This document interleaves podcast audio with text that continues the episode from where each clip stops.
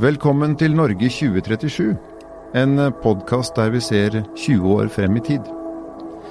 Arbeidsplassen din vil sannsynligvis ikke trenge folk som gjør det samme hver dag.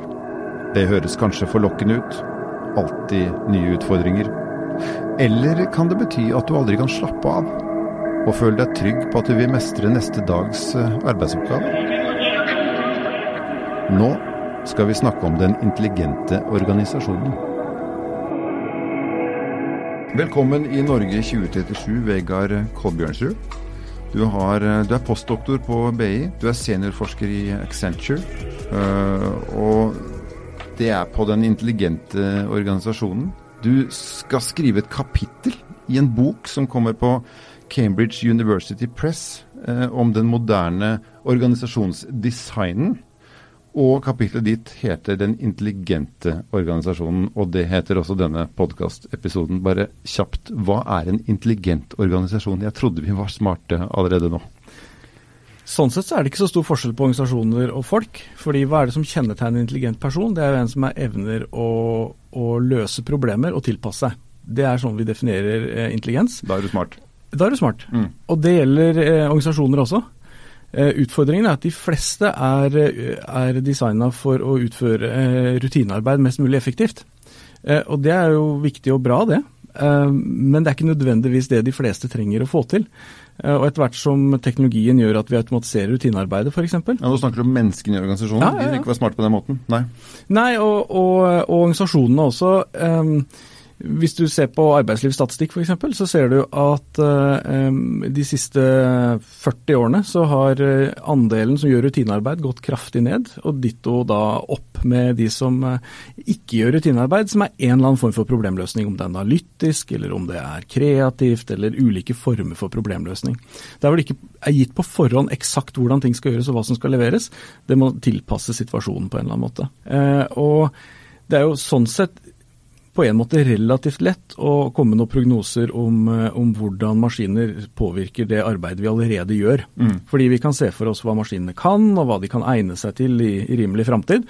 Eh, og da ser vi jo at det er rutinearbeid som er lettest å automatisere. Og veldig, veldig ofte så tror jeg folk, hvis de ser på jobben sin, hva er de morsomste oppgavene? Hva er det som gir meg mest tilfredsstillelse? Hva er det som gjør at jeg trives på jobben sånn oppgavemessig?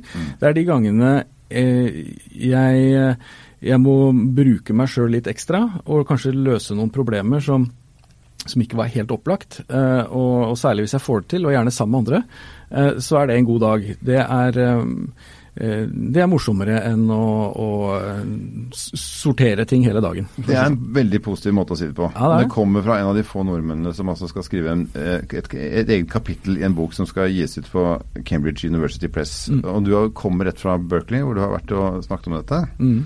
Eh, jeg bare plasserer deg godt i stolen nå.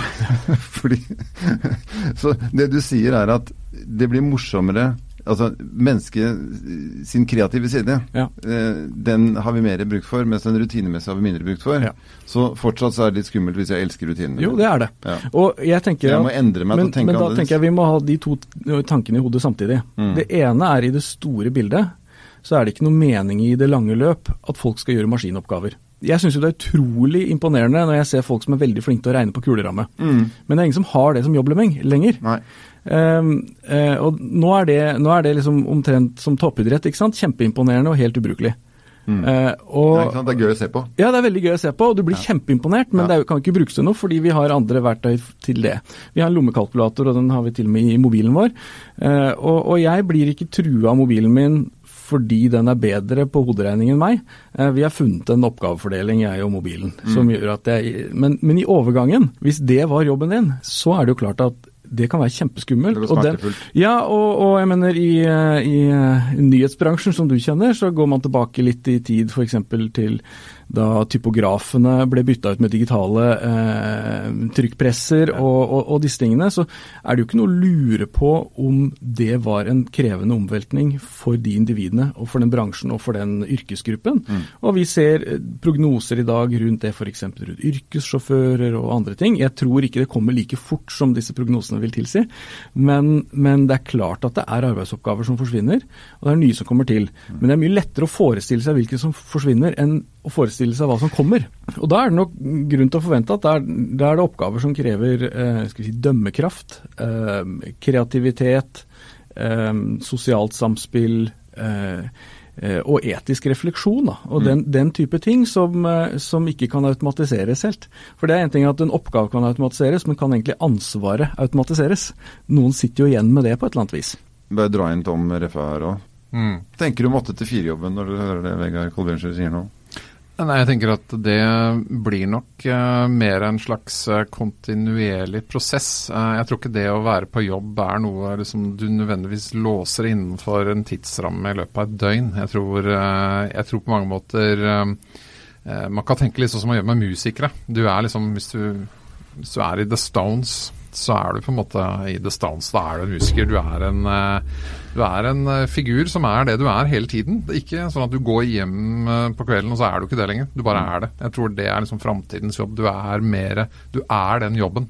Jeg tror, tror, du langt på vei har rett. Jeg tror du også da peker på noe av det som er den, noe av den store utfordringen her. Fordi man kan jo risikere at jobben blir helt grenseløs. Og, og det er jo klart at hvis du ser på, går tilbake til organisasjonen igjen, da, mm. eh, i en klassisk liksom, hierarkisk oppsett, eh, hvor sjefen bestemmer, mm. så er jo hva, hva en, en, avdeling la oss si det da, er i stand til å få til, er da i stor grad bestemt av hva sjefen er i stand til å forestille seg, hvilke oppgaver som blir fordelt og hva som blir gjort.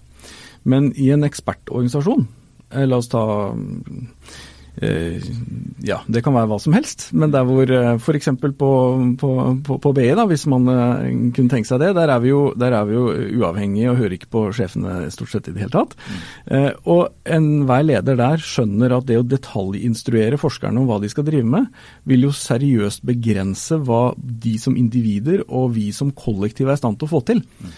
Eh, fordi, fordi, da er den kollektive intelligensen begrenset av den individuelle eh, intelligensen og kunnskapen til den som bestemmer. Eh, og da trenger man å finne måter å jobbe på som gjør at man myndiggjør folk i eget arbeid. Og det er en forutsetning for å lykkes med å få ut det potensialet. Eh, og, og i, i, i, dette kapitlet som du nevner her, så, så, er en av de faktorene eh, som kommer inn her, det er at jeg kaller det eh, aktørenes intelligens i bruk. Mm. og det handler ikke da bare om at du og jeg har et potensial, vi har en, si, en kapasitet til å, til å, løse problemer og tilpasse oss og være intelligente. Men veldig ofte så er jo det jobben etterspør, det krever mye mindre av oss enn det vi er i stand til å levere. Um, og det å frigjøre folk til ja, faktisk Vi egentlig har mye mer kapasitet enn ja, det vi bruker? Det er det. Det er, det er, en ganske stor og systematisk underbruk av eh, folks evner i arbeidslivet. Så det du peker på er et ekstremt potensial? da? Ja. Og det handler jo også om at det er der kanskje også automatiseringen kan virke frigjørende. Fordi eh, det er en del av de oppgavene som, som eh, vi bruker tid på, Eh, som eh, hvis, eh, hvis, det kunne automatiseres, så kan vi bruke mer tid på de som er mer verdiskapende og som er mer krevende, og som maskiner kanskje ikke kan gjøre for oss. Tenk deg f.eks. det finnes masse jurister i, i, i, offentlig forvaltning som bruker masse tid på rutinesaksbehandling, hvor det er opplagt på forhånd hva konklusjonen skal være. Mm. Og bare innimellom får bruke liksom, sin fulle si, kompetanse og evner på mer komplekse saker. Du har ja, som faglig på en og høyskole. og som de kanskje ikke har tid til, nettopp fordi de må gjøre så mye rutiner. Ja, det fortrenger det. Fortrenger det, det hadde kunne gjort i politiet, du, ja. på de nye reformer osv. Hvis ja. all rutinearbeidet til politiet hadde vært erstattet av maskiner, så kunne de gått til å hjelpe folk istedenfor. Ja, fordi hvis du tenker deg hva er det kunstig intelligens egner seg til, da, mm. Eh, så er jo det da informasjonsbasert rutinearbeid. Altså Der hvor det finnes mye repeterende mønstre, da er det lettere å få fram mønstrene fra dataene og trene opp algoritmen til å gjøre en oppgave. Eh, og, og, til syvende og sist så er jo datamaskiner de håndterer informasjon. Det er jo data. Mm. Så, så, da kan man jo se etter Vi har vært vant til at automatisering treffer gjerne manuelle oppgaver. altså Vi tenker fabrikken og sånt. Mm. Eh, det som kommer nå er jo, er jo, en storstilt automatisering av informasjonsbasert rutinearbeid. F.eks. saksbehandling. Hente inn uh, data? Ja, og, og, sammenstille data, og gjerne da ta beslutninger basert på noen veldig enkle regler. Mm. F.eks. det som skjer nå i finansbransjen, er for en, en konkret prosess er jo hvordan man da bruker eh, enkle software-roboter til å automatisere eh, behandlingen av kredittkortsøknader. For der er det visse typer informasjon som skal sjekkes av med kredittinformasjon og sånt. Mm. Og så er det noen enkle handlingsregler som tilsier om du skal få eh, kredittkortet, og hva slags limit du skal ha. Eh, og, og, og det blir nå automatisert. Um, fordi det er No hard feelings, liksom. Ja, ja det. Datamaskinen som bare Nei, beklager. Så kan vi selvfølgelig snakke om er det fair? Mm. Hvordan sørger vi for at det er rettferdig, og hvordan sørger vi for at det ikke er noe diskriminering? Um, det er jo ofte sånn da at datagrunnlaget som uh, Altså algoritmen blir aldri bedre enn datagrunnlaget. Nei, hva er alle like? Og det er det jo ikke, og da er det gjerne verre Altså det er vanskeligere å få gode beslutninger eller trekke ut konsistente mønstre hvis det er underrepresenterte grupper. Da, ikke sant? Og det er jo typisk minoriteter av en eller annen sort. Et sånn generelt spørsmål. For det er fort gjort å bli litt engstelig eh, hvis, altså hvis mitt ve og vel skal håndteres på bakgrunn av statistiske data Ja. som jeg er plassert et eller annet sted i landskapet til. Tror du vi får et bedre eller mindre bedre samfunn eh, om 20 år, eh, når denne utviklingen har eh, satt fart på alvor? Jeg tror vi har muligheten til et mye bedre samfunn. Men jeg tror ikke det er teknologien som bestemmer om det blir bedre eller dårligere. Det er hvordan vi bruker den. Så det er et Men designproblem. sånn, men sånn som du kjenner folk, da? Nei, altså jeg Jeg sitter, Jeg er- sitter er Nestlé-sjef ikke sant? Ja, ja. og lirer av seg at det er ikke noe menneskerett å ha rent vann. Du kan jo få frysninger på ryggen, ikke sant. Ja, ja. Dette er toppledere i verden. Jeg er jo teknologioptimist, eller generelt optimist egentlig. Mm. Um, så det, det kan jo være tolkningsfilter for alle de som hører på også. Det er ikke første gang i verdenshistorien folk har vært engstelige for teknologidrevet arbeidsledighet. Nei. Det har vi hørt så mange ganger de siste 250 årene. Tom mener jo at det kommer til å gå rett i dass Ja, jeg- jeg tror ikke det, store deler av eh, arbeidslivet. Eh, jeg tror jo ikke det. Eh, hvis, hvis vi kan lære noe av historien her, Mm. eh, så er det jo det at disse prognosene har alltid slått feil. I hvert fall i det lange løp. Eh, Ja, for sånn Med en gang så har det gjort litt vondt. ja, ikke sant? Og det gjør det jo. Det Sånn kom- som han med kuleramma da kalkisen kom. Ikke sant? Og det er, jo, det er jo ikke noe å lure på om det kommer til å gjøre vondt for eh, kanskje ganske mange av oss. Men måten å håndtere det på er jo ikke å lukke øynene og prøve å stenge verden ute. Det er jo heller ta eh, tyren ved hornet og satse på, på opplæring og omskolering og gi folk forutsetninger for å takle ny teknologi. Um, det tror jeg er, er muligheten. Men, men altså, mener, det er et potensial for at det kan gå skikkelig gærent òg. Ja, ikke sant. Vi er jo i 2037, eh, Tom. Eh, Du tror fortsatt du at det kommer til å bli lite gøy for mennesker nå at mye makt kommer til å samles på svært få hender og strukturer? Ja, jeg, jeg tror det. Uh, og så tror jeg samtidig at eh, den type intelligente organisasjoner kan uh, gjøre at lista da, for eh, personer, mennesker, eh, til å komme inn i eh, store deler av næringslivet, av eh, arbeidslivet osv. Den lista den blir bare høyere og høyere eh, før du faktisk kan brukes til noe fornuftig. Ja, hvis maskinene skal ta alt det andre. og det vil si at eh, Hva gjør vi med det laget av mennesker da, som kanskje ønsker seg en jobb hvor man kan utføre det samme dag etter dag, var som ikke- tror men- at man men- blir men- bedre som menneske Ja, ved å øve på ting? Menneskelige egenskaper, kreativitet, eh, evnen til å definere behov, eh, utvikle, som på en måte vil stå i høysetet? Jeg er ikke så Altså, I mitt hue så er det mer høres i hvert fall, Rett meg hvis jeg tar feil, er den som kan minst om disse tingene her. Eh, men det høres ut som det er drevet mer da av egenskaper enn av nødvendigvis kompetanse. Ja, men da tenker du at uh, alle mennesker vil ha den type jobb. Men hvis du spør uh, 100 mennesker hva er det som er viktigst for deg i jobben din og med jobben din, så tror jeg de aller fleste vil svare aller først trygghet. Mm. Trygghet for hva da? Jo, trygghet for at jeg har en jobb.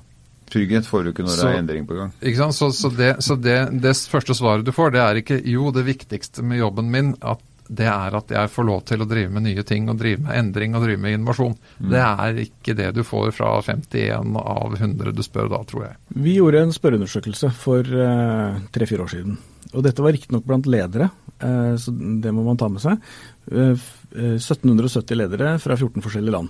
Om deres eh, forventning og, eh, og erfaring med, med, med teknologi, og særlig da kunstig intelligens. Og eh, da spurte vi bl.a. om, om de hadde liksom positiv forventning, om dette kom til å gjøre jobben deres mer eh, effektiv og interessant, og det var et overveldende flertall som svarte bekreftende på det. Helt eller delvis enig. Og så spurte vi, eh, eller hadde et utsagn som sier jeg, jeg frykter at kunstig intelligens kommer til å true jobben min. Eh, og det var på verdensbasis 36% som svarte bekreftende på det. Og det var mye, mye høyere enn vi trodde.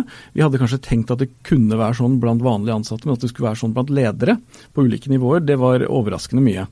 Så hadde vi en hypotese da om at Kan du si at frykten er ganske stor? Ja, den var, den var stor. Ja. Ja.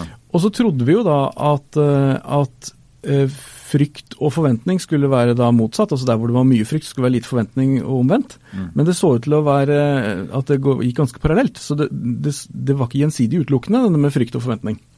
Eh, og så hadde vi en hypotese da om at teknologikompetanse det skulle dra opp forventningen, og det skulle redusere frykten. Eh, og det var ikke fullt så enkelt. Eh, for det viste seg da at eh, det å være informert, altså det å følge teknologinyheter f.eks., f.eks. høre på en sånn podkast som det her, mm. det gjør deg mer forventningsfull, og det gjør deg ikke mindre engstelig. Ok, så du får begge deler. Du, du, litt sånn skrekkblandet fryd Nei, altså da får du det, Der får Ja, nettopp. Du får begge deler. ja. Eller i hvert du, blir, fall du, blir, du blir nysgjerrig, men du blir litt redd òg. Ja, fordi du vet mer om hva som kan gå gærent. Mm. Og da Eh. kan man jo stille seg, var det egentlig forventning, eller var det forhåpning? Ja, det, det, er jo, det, er et, eh, det er jo et spørsmål, da, selvfølgelig. Eh, Men det andre som også er interessant, det er at vi, vi, vi eh, prøvde da å måle teknologiferdighetene deres, og, og forstått som i hvilken grad tilpasser du teknologien til ditt bruk? Og Helt konkret så spurte vi dem da for at det ikke skulle liksom være som bransjeavhengig. Når du kjøper en ny, får en ny digital dings, bruker du standardinnstillingene?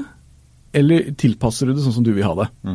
Eh, og Hvis du bruker det som en indikator på evnen til å bruke teknologi, uten nødvendigvis da å være ingeniør, Ja. eh, så var det sterk negativ effekt på frykt, og ingen effekt på forventning. Så hvis du skal få opp forventningen, så, så er det informasjon og hype og ståhei. Eh, Skal du gjøre noe med frykten, så er det ferdigheter. Ok. Og det tenker jeg er det konkrete vi må ta med oss herfra. så de som tok smarthøyttaleren sin og satte den opp sånn som de ville ha den på alle måter, Ja. og flytta inn i at ok, nå server den meg fordi at jeg har lært den sånn og sånn, Ja, de eh, altså som har de ferdighetene, De er ikke engstelige. de sank fryktnivået på. Ja. Så hvis vi da tenker oss hva er det vi skal gjøre Så hvis jeg får fatteren til å bruke den smarttelefonen han fikk til jul for to år siden, Ja. så kommer frykten hans til å synke. Ja.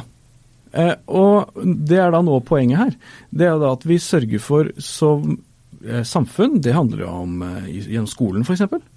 Det handler om eh, hvordan vi lærer opp eh, folka våre i, i virksomheten, altså med ulik sånn type eh, kurs osv. osv. Eh, men også at at du eksponerer flere for teknologi, sånn at de lærer seg å bruke det og se at de kan få til mer eh, i jobben sin, og at det ikke er en trussel, men er en mulighet for å skape noe mer. Eh, så så eh, jeg tror ikke vi kommer til å overtale noen til å bli mindre engstelig. Eh, Det gjør du ved at de faktisk får lov å lære helt praktisk, og får noen ferdigheter som gjør at de føler seg tryggere og rett og slett ser mulighetene sjøl. Sier du akkurat det samme som gjelder i fremmedfryktstatistikkene nå? At de som har reist litt rundt og hilst på folk fra andre deler av verden, er mindre redd for folk som ser annerledes ut enn de som ikke har gjort det? Det er ikke sikkert det er så veldig forskjellig. At det egentlig er de samme driverne? Det kan det være. En slags eh, teknologirasisme? Jo, men jeg vil kanskje ikke bruke det så sterkt uttrykk. Men, men, ja, ja.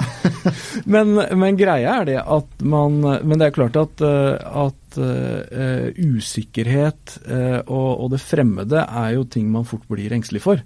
Ikke sant? Det er jo derfor vi Fremmedfrykt kalles det jo. Jo, jo, men altså mener vi Men kan vi, kan, kan vi bruke det i en teknologiperspektiv? jo, jo, men det er jo teknologifrykt, og den baserer seg i stor grad på at man ikke føler at man behersker det. Kan vi være så kjipe at vi sier at de som er reddest for ny teknologi, er de som kan minst? Eh, Jeg tror det er tilfellet. Eh, ja. Du forsker på dette. Ja, ja. Men du ser jo men, Ja, men det, men, det du, men det du ser, da, det er jo også er en del som kan ganske mye om teknologi, som ser potensielle problemer framover. Altså ref det Tom tar opp, da. Tom er jo typisk i den kategorien. Ja. ikke sant? Han, Jo, jo. han, altså, han svartmaler dette. Jo, jo, men, det, men, men jeg tror ikke han er engstelig for sin egen jobb.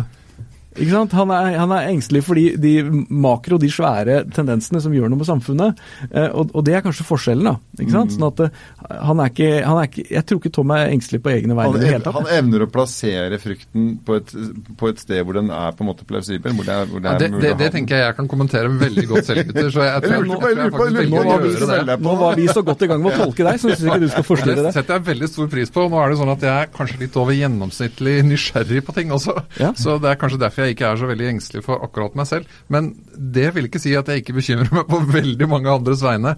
Um, hvis jeg skal si noe positivt, da, for nå ble jeg plutselig den veldig veldig negative her, kjente jeg. Men, men, det. Men, men det, noen må ha den jobben òg. Ja, ja. uh, men jeg tror at det dette kanskje, uh, eller med stor sannsynlighet kan føre til, det er at f.eks. i utdanningssystemet vårt så vil man tenke litt annerledes når man skrur sammen hva slags kompetanse må man ha for å lykkes i næringsliv, yrkesliv osv. Mm. Jeg ser liksom for meg den derre kommende kunstnersnekkeringeniørmusikeren. Uh, som sannsynligvis vil være en meget god ressurs for en virksomhet i framtida når det gjelder alt fra nytenkning, uh, innovasjon og kanskje endring, da. Mm. For å få til det på en smidig måte. Jeg Men tror at da... man skal liksom spille på ting som vi kanskje ikke spiller på nok. Sette sette sammen egenskaper, sette sammen fagområder på en annen måte som vi ikke har gjort enda, som kanskje kan fyre opp under dette på en veldig bra måte. Da. Og som vi gjorde egentlig var kun med månelandingen, altså den, den amerikanske fra 60-tallet, eh, hvor man gjorde dette. Satte sammen fagområder helt eh, hemningsløst for å klare å lage Dream Team som kunne løse alle oppgavene. Ja, jeg ser jo liksom i, i, i mange store organisasjoner, og også i offentlige, jeg er veldig glad for å se, så, så ansettes det jo f.eks.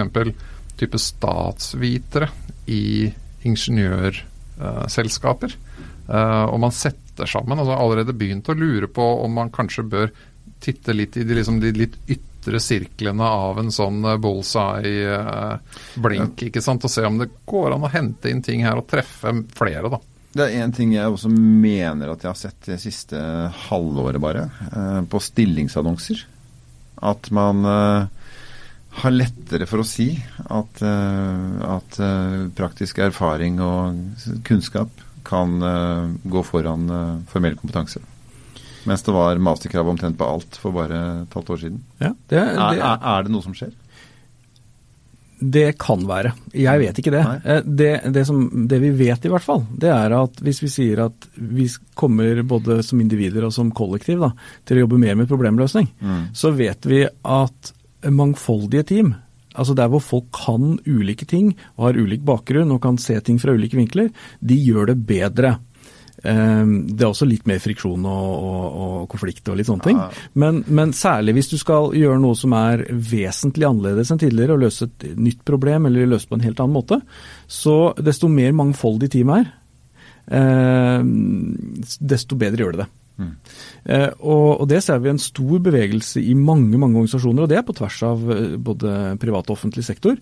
Så er det en, en bevegelse mot det man gjerne kaller smidig organisering og sånt. Eh, og, det, Vi skal ikke gå inn i alle detaljene på det, men en av, en av poengene der er rett og slett at du har tverrfaglige, autonome team som jobber med, med dedikerte problemer. Så du har selvstendig team som jobber med selvstendige problemer.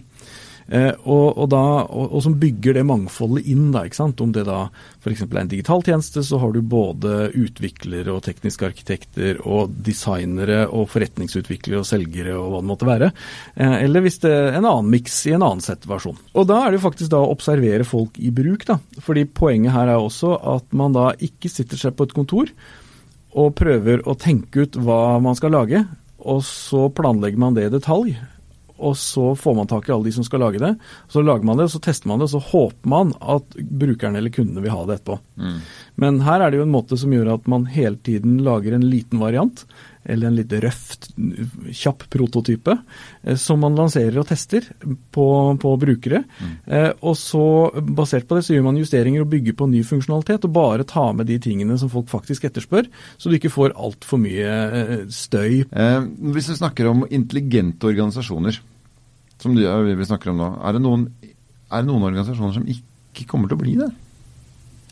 Jeg skal ikke si at de blir dumme, men altså, det er liksom at de på en måte ikke trenger, da, men fortsatt er mennesker der? Ja, altså hvis det er fortsatt mange organisasjoner Har rutinefolk et sted å flykte? Nei, altså, eh, dette skjer jo ikke over natta. Nei, det er greit, men det skjer. Det skjer. Det skjer, tror jeg. Eh, Mm. nå kan det godt være at det er ikke, sånn, det er ikke nødvendigvis sånn at alt rutinearbeid sånn teknisk sett forsvinner. Ja, men men, vi- det blir veldig lite av det. Men bare for å ta vekk litt mer trøst, da. Altså, Vi lever i et land hvor, eh, hvor, hvor, hvor kapitalflyten er ganske høy. Ja. eh, hvor kostnaden på, på menneskearbeid er høy. Så det er klart at er det noe sted dette kommer til å gå unna, så er det Norge. Ja, men det er relativt lite rutinearbeid igjen. Det, det ble jo sendt til Kina i sin tid. Ja. Men en av de interessante mulighetene her, da. La oss ta et konkret eksempel. Noe, noe så norsk som eh, sånne Dale strikkegensere. Eh, de ble jo for en del år siden flytta de produksjonen til Kina. Så nå strik, I en periode, så ble, mange år, så ble de da strikket i Kina. Eh, og så ble de sendt tilbake hit, for det er jo stort sett her de selges. Kanskje til kinesiske turister også, for alt jeg vet. Ja, det- Eh, så her får du en veldig sånn interessant karbonregnskap akkurat det. Ja, ja. Men, men, eh, men det, nylig nå så flyttet de betydelige deler av produksjonen hjem igjen, fordi automatisering gjør det nå like rimelig, eller i hvert fall fordelaktig på ulik vis, da, å ha det her. Fordi da er det også nærmere, det går raskere å få det produsert, det er lettere å få det levert fra, liksom fra det Du kan like gjerne til sette opp Knitting Jenny i, i Dale, som du kan sette den opp i, i, utafor Shanghai. Absolutt. Og, og det betyr jo også at, eh, at denne Det blir ikke noe jobber av det. Står jo på en strikkemaskin bort på Østlandet. Jo, jo, men det er jo folk som, som eh, må sørge for at det virker, og som må reparere det, må stille dem inn. og ikke sant, Ja. det er jo, det, det Kjøre inn skapes garn og sånn. Eh, Ja, men altså, det, det skapes masse arbeid rundt det. Ikke like mye som om folk hadde sittet der med strikkepinner. Mm. ikke sant? Og det ble færre da det ble strikkemaskiner sånn halv, halvautomatiske. Og det ble enda litt færre når de er helautomatiske, men det er fortsatt folk som jobber med det. Mm. Eh, og de er typisk også bedre betalt, da. Ja. Ikke sant? Ehm, og, og Derfor så ser du noen skift der som gjør at et høykostland som Norge, så kan, kan dette være netto positivt. Mm. Fordi at det, vi har bra infrastruktur, vi har bra energitilgang, vi har stabilt demokrati og Ikke sant? Alle de tingene fristende å investere pengene sine Og ikke minst, i, dette, i denne type arbeidsliv, så trenger vi jo folk som tenker sjæl. Mm. Ikke sant? Og, og vi, har jo, vi er jo så lite autoritetstro som det nesten er mulig å gjøre, i hvert fall i liksom internasjonal sammenheng. Eh, og, og vi har et skoleverk som eh, til tross for kanskje ikke vi scorer alltid så bra på matte, så, så, så er det i hvert fall sånn at eh, Og det hører jeg jo når jeg er ute og reiser og snakker med faglige fra andre land og sånt. Det er jo at en av de tingene som norske studenter er bra på, det er jo å tenke sjøl og være kritisk og sånt. Mm. Um, det er ikke sikkert de er best på, um, på, på, på måte de, de harde skolefagene, men det, men det er jo mer i retning der eh, vi, vi trekker. Vi, treng, vi trenger den der meningsbrytningen og gjøre det på en, Så vi er på måte. riktig vei, da. Jeg tror vi Så har det er PISA som kanskje er feil. Nei, altså jeg, jeg, jeg tror vi må gjøre flere ting på en gang her. Du kan, du, du kan godt legge de utdannelsene på meg, liksom. Men Jo. hvis vi måler, liksom, du måler mattekunnskap, vi måler konkret kunnskap på gamlemåten. Og så er det på en måte eh, kuleramma som er bytta ut med kalkis. Så vi trenger Men- jo egentlig andre Hvis du ser på statistikken, da, så det her finnes noe data på. Mm. Den kombinasjonen av, av ferdigheter som gir størst uttelling de siste 30-40 årene, i, i lønnsvekt og i etterspørsel etter den type arbeidskraft, det er de som både er sterke på å ha sosiale ferdigheter og analytiske ferdigheter. Mm. Eh, og så er det også økende etterspørsel etter de med bare sosiale ferdigheter, eller hovedsakelig det, og bare de med analyse. Mm. og så er det fallende etter rutine. Ja. Eh, eh, Men det er kombinasjonen som er den sterkeste. Så det er all mulig grunn til å legge vekt på begge deler. Eh, Men faktisk, hvis du skal bare følge den statistikken, så hvis, det er, hvis du skal velge én av dem, eh, så har det vært mest lønnsomt eh, de siste 30 årene eh, å ha sterke sosiale egenskaper. Enda litt mer lønnsomt enn å bare være analytisk. Ja, men da er jo ekstremt viktig, Tom, eh, at vi også måler undervisningsopplegget. Altså ikke undervisning er feil å si, egentlig. Utdannelsesopplegget vårt. mm. riktig, slik at vi faktisk har noen parametere for det vi faktisk trenger. Og er vi der, da? Altså, jeg mener at uh, vi må kanskje tenke alternativt på måten vi både betales, altså avlønnes, Altså, uh, og måten vi måles på Jeg- for at de tingene skal henge sammen. Jeg skal bare rydde opp i det spørsmålet nå. For nå sitter uh, Vegard her og, og kan mye og vet mye fremtidig om den intelligente organisasjonen. Vi, vi vet at det er det næringslivet og andre kommer til å finslipe for å effektivisere seg maksimalt og bruke folk riktig. Da er det jo ekstremt viktig at vi mennesker som vokser opp inn i den verden, har de kvalifikasjonene dyrket frem som trengs, og ikke det vi kanskje måler nå. Da kan du fortsette. Ja, det er helt enig. Og så er det sånn også velkjent uh, innenfor bedriftsøkonomien at du har en tendens til å få det du måler. Ja. Um, og det vil si at uh, vi bør da begynne å måle andre ting også enn det vi måler i dag, for å få den ønskede effekten over tid. Hva sier forskeren om det? Jeg vet vi strekker deg godt nå, for her, du, du, må jo ha belegg du som er forsker. Men allikevel, hva, hva, hva, tenker du eh, i forhold til gamle målestandarder og nye krav? Nei, jeg tror altså Måling er viktig. Eh, både fordi du får det du måler, eh, men, du får, eh, men det er også sånn da at så det, det dreier atferden i en viss retning. Eh, men av og til så overdriver en del greier som gjør at du, du, du får noen sånne skjeve effekter. Mm. Så, så, måling har liksom effekt til et visst nivå. Men jeg tror jo det, det å forstå hva vi driver med, f.eks. utdanning, og hva det gir av resultater, det jo, burde jo være ganske klart for alle at det er bra. Eh, så er spørsmålet da, hvis du skal bruke halvparten av tiden på måling eh, og resten på læring, så kan det hende at vi skal endre litt på vektleggingen der. Mm. Eh, så det er jo en begrensning på en måte hvor fornuftig det er. Det, som, det, ligger en del nye muligheter her, da. Men måler vi kreativiteten? Nei, vi gjør jo ikke det. Nei. Og det er jo innmari vanskelig å måle, for det letteste å måle, det er jo ting som foregår på en eller annen jevn rytme. Men må vi ikke måle kreativitet? Når du sier at det er jo, en det. av de viktigste faktorene et menneske kan ha i fremtiden i en intelligent organisasjon, er å være kreativ. Ja, jeg, jeg tror må, det, men Og så måler ikke skoleverket det. Du, får ikke ansvar for dette. Jeg bare sier det, men er, er, er, ikke det litt skummelt? Jo, det er skummelt. Eh, fordi hvis du måler det som er lett å måle, så har du en tendens til å dreie oppmerksomheten mot det som er rett å, måle, lett å måle, ja, altså, og så glemmer du det andre. Disse fordømte målerne, de gjør det enkelt for seg sjøl. Men vi må, jo, vi må, jo, klare å få til det som vi trenger. Ja. Men vi har jo, vi har jo noen ting som, som, er litt sånn særegent nordisk, da. F.eks. sløyd. Ja, det er altså, kult. Sløyd, sløyd, selv om det er utrolig analogt, ja. eh, så, tror er, så tror jeg det er en sånn helt konkret greie som handler om det å skape noe og det å, å, å lære seg eh, å se ting eh, altså Se for seg et eller annet man skal lage, og så prøve å lage det. og så Selvfølgelig så ligner det ikke det, men vi foreldrene elsker det jo likevel. Mm. Um, jo, vi må. Jo, men, men, det å faktisk jobbe på, på den måten, da. Det å, å, å, lage ting. Jeg ser jo det eh, En av de ferdighetene som, eh, eh som vi trener folk i på når vi har sånn executive MBA, da, som lederutdanning på BI.